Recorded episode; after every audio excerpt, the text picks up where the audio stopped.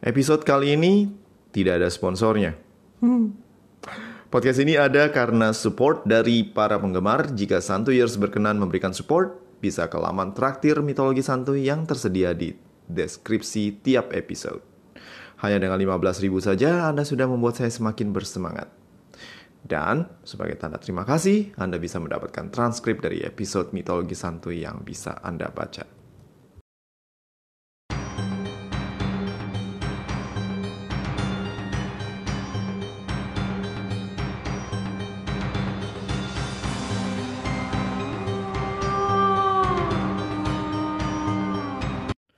Langkah demi langkah, Theseus semakin dekat dengan istana Athena. Istana yang letaknya di atas Akropolis Athena tersebut tampak begitu gemilang dengan warna-warni yang kontras, menandakan kemewahan serta kekuasaan raja-raja Athena dari zaman dulu kala. Theseus tidak sendiri berjalan menuju istana. Tampaknya keramaian di Agora barusan telah menarik perhatian sang pemilik tahta akan Theseus. Aegeus yang tengah beristirahat siang, alias bobo siang, tiba-tiba dibangunin oleh sang istri usai melihat keramaian di pasar akibat ulah seorang pemuda yang belum jelas asal-usulnya. Woi, bangun lu! Tuh, di pasar ada yang bikin rame. Theseus dari Trozen, rakyat pada ngefans. Mending lu panggil deh daripada ntar lu dikudeta. Memikirkan kata-kata Medea, Aegeus terbangun. Matanya yang sayu akibat begadang semalam mikirin nasib kerajaannya yang tidak punya pewaris dari darahnya sendiri, langsung melek. Dalam hatinya dia berkata, Ah, demi Zeus, apa pula sekarang? Belum lagi anak bawaan si nenek sihir ini. Anak adik gue yang segambreng. Sekarang siapa pula ini Theseus dari Trozen? Ah, bentar-bentar. Trozen. Kata Trozen membangkitkan kenangan indah akan malam belasan tahun silam ketika dirinya masih perkasa dan bukan seorang bapak-bapak yang sakit rematik seperti sekarang. Belum selesai dirinya melamun, media sudah menatapnya dengan penuh curiga. Aegeus pun bergegas mengenakan toganya. Siapa yang gak jiper ditatap oleh media yang konon bisa membaca pikiran orang tersebut? Ya, Tatapan mata hijau yang dulu begitu menggoda Jason kini tampak seperti tatapan mak-mak yang tupperware-nya hilang tutupnya. Theseus bersama beberapa prajurit memasuki kompleks istana Aegeus yang terletak di puncak Akropolis. Teriknya mentari dan pantulan sinarnya dari bangunan marmer istana membuat seolah mereka tengah menghampiri Olympus, kediaman para dewa. Bangunan klasik dengan tiang doria dan warna-warni yang kontras membuat kagum Theseus. Patung Athena yang dilihatnya dari agora tadi sekarang terlihat begitu besar, memberikan kesan seolah sang dewi benar-benar turun dari Olympus dan berdiri menjaga Athena. Akropolis Athena di saat ini adalah kompleks istana dan juga kuil-kuil para dewa. Selain Athena, Zeus, dan Poseidon juga memiliki kuil di bukit batu yang kokoh ini. Poseidon yang dulu kalah dalam persaingannya dengan Athena memiliki kuil di puncak batu ini. Walaupun tidak semegah milik Athena, tetap merupakan tempat rakyat Athena yang berprofesi sebagai nelayan untuk menyembah sang dewa laut tersebut. Sebuah trisula tampak terpampang di hadapan kuil Poseidon, tak jauh dari pohon zaitun yang dulu diberikan oleh Dewi Athena sebagai hadiah bagi penduduk Athena. Theseus mengamati setiap detail dari bangunan tersebut dan semua peninggalan masa lalu yang pernah didengarnya dari kakeknya. Dan simbol Trisula Poseidon membuatnya tergerak. Terkenang kembali bagaimana Aetra ibunya bercerita bahwa Poseidon juga adalah bapaknya. Tampaknya nasib telah menuntun Theseus, sang pangeran Trozen, untuk bertemu dengan kedua ayahnya. Aegeus menyambut Theseus di balairung istananya. Sang Raja Athena yang sudah tua tentu tidak mengenali Theseus sebagai anaknya. Namun Medea yang duduk di sebelah Aegeus menyadari ada kemiripan antara Theseus dengan Aegeus. Warna rambut coklat kemerahan yang dominan di kepala Aegeus sama dengan warna rambut Theseus. Namun tak hanya rambut, entah ada apa yang tampak pada Theseus yang mengingatkannya kepada Aegeus. Media menatap Theseus dengan begitu tajam. Wajahnya yang cantik dan anggun mendadak tampak menyeramkan. Mata hijaunya menatap Theseus dengan tajam. Hmm, ada yang tak biasa dengan anak ini. Rambutnya, pembawaannya, mirip banget sama suami gue. Ah, Theseus dari Trozen. Jangan-jangan rumor itu benar. Media menyadari bahwa ada yang aneh dengan mimik Aegeus ketika mendengar kata Trozen. Media pernah mendengar rumor yang terjadi belasan tahun lalu tentang bagaimana Aegeus mampir ke Trozen dan terlibat cinta satu malam dengan Aetra, putra Piteus, Raja Trozen. Mungkinkah bocah pemberani ini adalah buah cinta mereka? Media menggunakan sihirnya menatap ke kedalaman jiwa Theseus. Lalu, sekelebatan peristiwa masa lalu muncul di benak sang penyihir. Ah, begitu rupanya. Media pun kemudian tersenyum dingin. Theseus dari Trojan, cucu dari sahabat dan mentorku, Biteus. Jadi, kau yang menyingkirkan para peguntal di sepanjang perjalananmu ke sini, betul? Yang mulia Raja Aegeus dari kerajaan Athena yang megah. Benar tuanku, hambamu membunuh mereka semua, namun bukan karena sengaja atau hendak mencari nama. Hamba hanya ingin membela diri dan berusaha melindungi penduduk sekitar yang terus-terusan diganggu oleh mereka. Hamba ingin mengabdi kepada Baginda. Semoga tangan dan keahlian hamba boleh berguna untuk Athena. Aegeus yang gemar dengan aksi kepahlawanan ingin mendengar Theseus menceritakan lebih lanjut tentang pertarungannya dengan para begundal tersebut. Namun kata-kata tajam Medea lebih cepat menyambar. Dari Veripetes, Sinis, babi ngepet, Skiron, Sersion, Procrustes, dan istrinya. Banyak juga yang kau bunuh. Aku harap kau sudah menyucikan dirimu dari darah para korban yang kau bunuh. Media tersenyum dengan tatapannya yang dingin. Ya, yang mulia ratu. Hamba mengunjungi kuil Pitalides di dekat sungai Sisyphus dan meminta mereka untuk menyucikan hamba.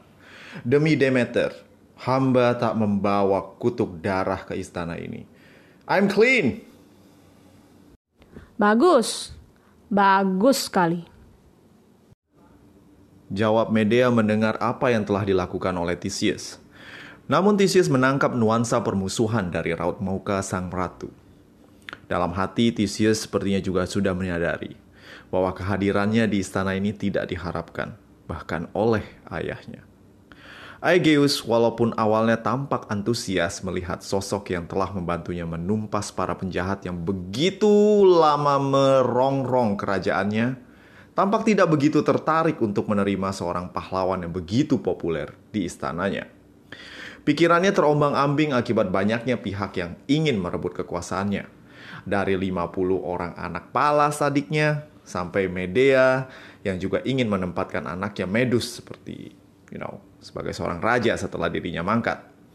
Sekarang tiba-tiba dari dusun kecil yang bernama Trozen, muncul seorang bocah yang tiba-tiba begitu populer dan pemberani. Belum lagi rakyat begitu mencintai sosok yang baru nongol ini. Ah, semua orang tampaknya ingin Aegeus berhenti jadi raja. Ah, ya, ya. Kami benar-benar berterima kasih untuk kerja kerasmu. Kau boleh menginap di sini. Dan ya, tentu. Kalau mau mengabdi di sini pun boleh. mau kerja jadi pengawal, tentara, atau kuli bangunan.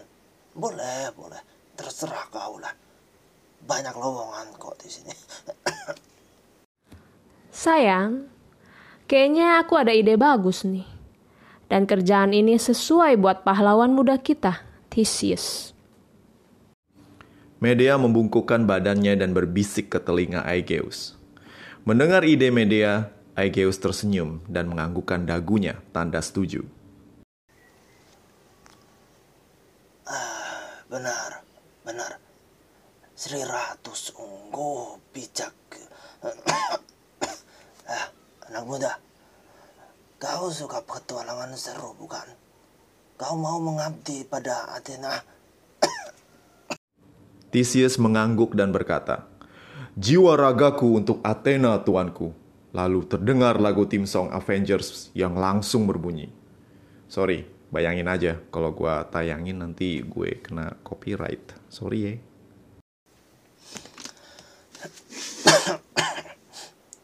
Jadi begini nak, para penduduk di sekitar maraton tengah terancam oleh kehadiran sebuah uh, seekor seekor sapi jantan ganas yang mengobrak-abrik sawah ladang.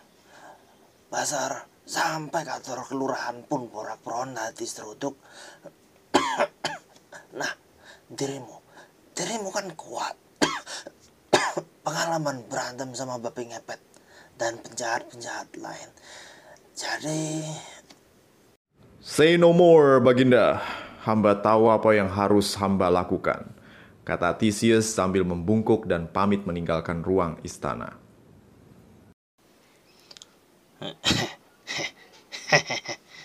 Ide yang bagus, Medea sayang. Aku tak pernah suka dengan anak muda sok-sokan seperti dia. Sama aja kayak si Androgeus dulu. Ah, bikin masalah aja.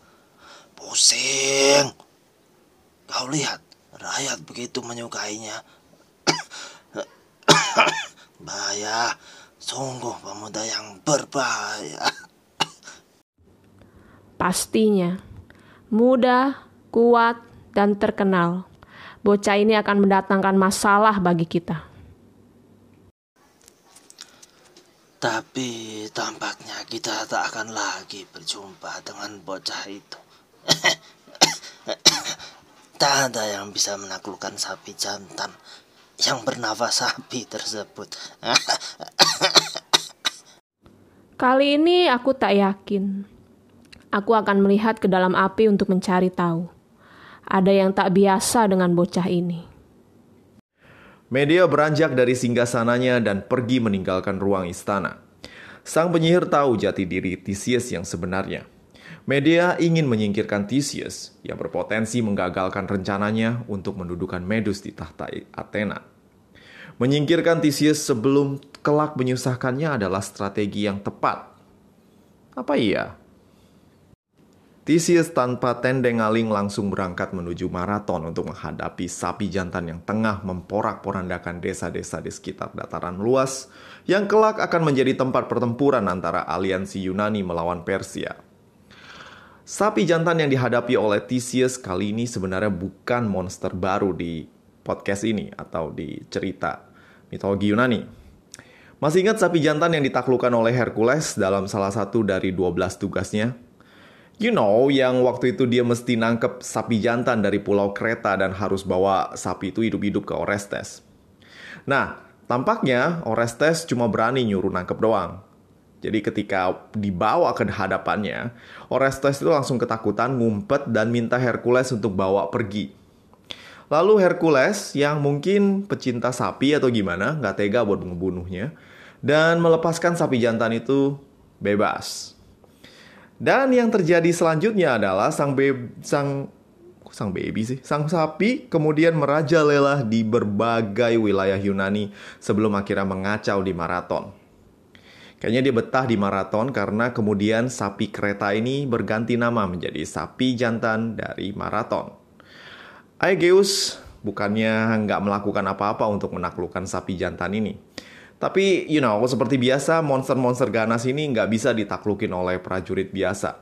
Dan seberapa banyak pasukan yang dikirim, ujung-ujungnya kalau nggak tewas ya luka parah, patah tulang, seleo, dihajar, ditabrak sama si sapi jantan. Pernah satu ketika, ketika seorang pangeran dari kereta datang ke Athena, dan pangeran ini bernama Androgeus. Androgeus ini datang untuk ikut serta dalam berbagai kompetisi atletik, mungkin semacam olimpiade. Dan dia menang terus, lalu dia nyombong kalau dirinya bisa naklukin sapi jantan dari maraton. Lalu Raja Athena, yaitu Aegeus, dengan senang hati membiarkan sang anak muda sombong tersebut untuk pergi dan menaklukkan sapi tersebut. Ya gimana bukan gue yang minta, lu aja kalau mau pergi ke sana ya pergi aja lah, kali aja beneran lu bisa naklukin sapi kata Aegeus. Setidaknya mungkin dia mikir kayak gitu. Tapi kenyataannya Walaupun Androgeus ini songong dan jago di lomba, dia ini bukan orang yang tepat buat menaklukkan sapi jantan yang ganas ini.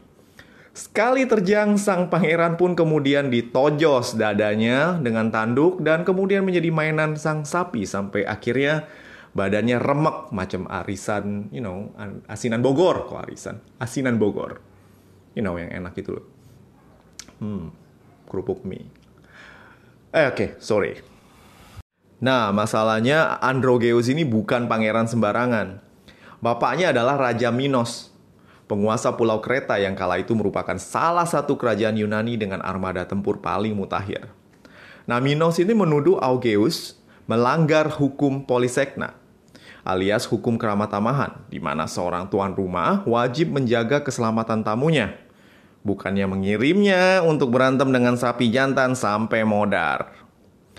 Minos kemudian membawa armada pasukannya dan mengepung Athena. Dia mengancam akan membumi hanguskan Athena, namun akhirnya setelah suatu kesepakatan, Minos pulang ke Pulau Kreta dengan penuh kemenangan. Kesepakatan antara Minos dan Aegeus ini akan memiliki suatu dampak yang besar pada cerita Theseus. Tapi, well, kita akan bahas di episode-episode mendatang. Sekarang kita balik ke cerita antara Theseus dan duelnya dengan kebo. Eh, sapi jantan maksud gue.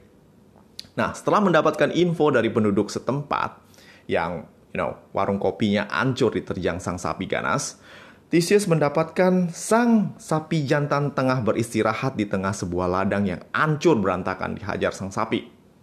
Nah, di sini kita bisa melihat perbedaan antara dua pahlawan besar Yunani. Kalau Hercules yang perkasa, menurut versi resmi langsung mengajak duel sang sapi jantan dengan kekuatan ototnya. Kalau versi mitologi santuy beda ya. Dia bergelut dan menghajar sang sapi sampai tewas tergelepar nggak tewas sih, lemes doang. Nah, Theseus, well, Theseus beda sama Hercules. Jadi Theseus mengamati sapi jantan itu dari kejauhan dan dia berusaha mengukur kekuatan sang sapi jantan. Hmm, konon sapi jantan ini bisa ngimbusin api dari lubang hidungnya. Ini kayaknya lebay dah. Sapinya kelihatan kuat sih, tapi kayaknya nggak lebih kuat dari Periphetes atau Cersion. Demikian kata Theseus setelah mengamati sang sapi. Theseus pun kemudian memutuskan untuk bergerak. Dengan sengaja, sang pangeran Trozen melemparkan sebuah batu ke kepala sang sapi yang tengah tidur. Tentu saja, sang sapi terbangun dan melihat seorang manusia ceking tampak melampaikan tangannya seolah kayak teman lama yang baru ketemu habis reuni SMA. Spontan sang sapi ngamuk dan langsung menyerjang Theseus yang langsung menghindar dengan jurus sidestep ke samping. Sang sapi kemudian memutar arah dan kemudian menerjang kembali ke arah Theseus. Kali ini Theseus menghindar dengan bersalto ke depan. Setelah gagal dua kali menghantam calon korbannya, sang sapi semakin brutal dan berusaha berulang kali menerjang Theseus. Namun Theseus ini lincah dan terbiasa main lompat tali dan jumpalitan di kampung. Dia ini nggak menemui kesulitan untuk menghindari serangan sang sapi jantan. Pernah ketika sang sapi menerjang, Theseus dengan sigap melompat ke depan dan memegang kedua tanduk sang sapi dan bersalto. Sang sapi yang berulang kali gagal kemudian kehabisan tenaga dan Theseus yang pernah juga part-time menjadi angon sapi kemudian menaiki sang sapi yang kemudian berubah jinak di tangan Theseus. Dengan skill angon sapi yang dimilikinya, Theseus memanfaatkan sang sapi untuk membajak daratan maraton agar menjadi tanah yang subur bagi petani yang ladangnya diacak-acak oleh sang sapi. Aksi Theseus ini dipuji oleh penduduk sekitar yang memang membutuhkan lahan baru untuk bercocok tanam. Yeay, Theseus! Hidup Theseus, putra Poseidon! Theseus for Athens! Demikian sorak-sorai para penduduk desa yang kemudian berlanjut dan menular sampai ke Athena. Theseus memasuki gerbang kota Athena dengan menunggang sapi jantan yang dikenal buas tersebut. Namun sekarang tampak seperti sapi di iklan susu. Theseus menunggangi sapi jantan tersebut dan membawanya ke kuil Poseidon di atas Akropolis dan mempersembahkan sapi jantan tersebut untuk ayah dewatanya.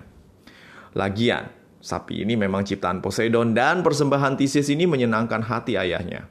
Ya, bayangin aja bapak-bapak kayak Aquaman dengan jenggot putih nikmati stick beef wagyu dan mengacungkan jempol macam om-om kalau lagi foto. Para penduduk Athena menyambut dengan meriah kedatangan Theseus. Namun tentu saja Medea dan pihak-pihak yang ingin menguasai tahta Athena kini mulai menganggap Theseus sebagai ancaman yang serius. Jika sapi jantan maraton saja bisa ditaklukkan, para penduduk Athena menyukainya, apalagi yang bisa menghalangi bocah ini untuk menguasai Athena. Special thanks buat Bro Julian dan Sis Mary, pendengar setia mitologi santuy yang telah membantu menyumbangkan suara mereka untuk karakter Aegeus dan juga Medea.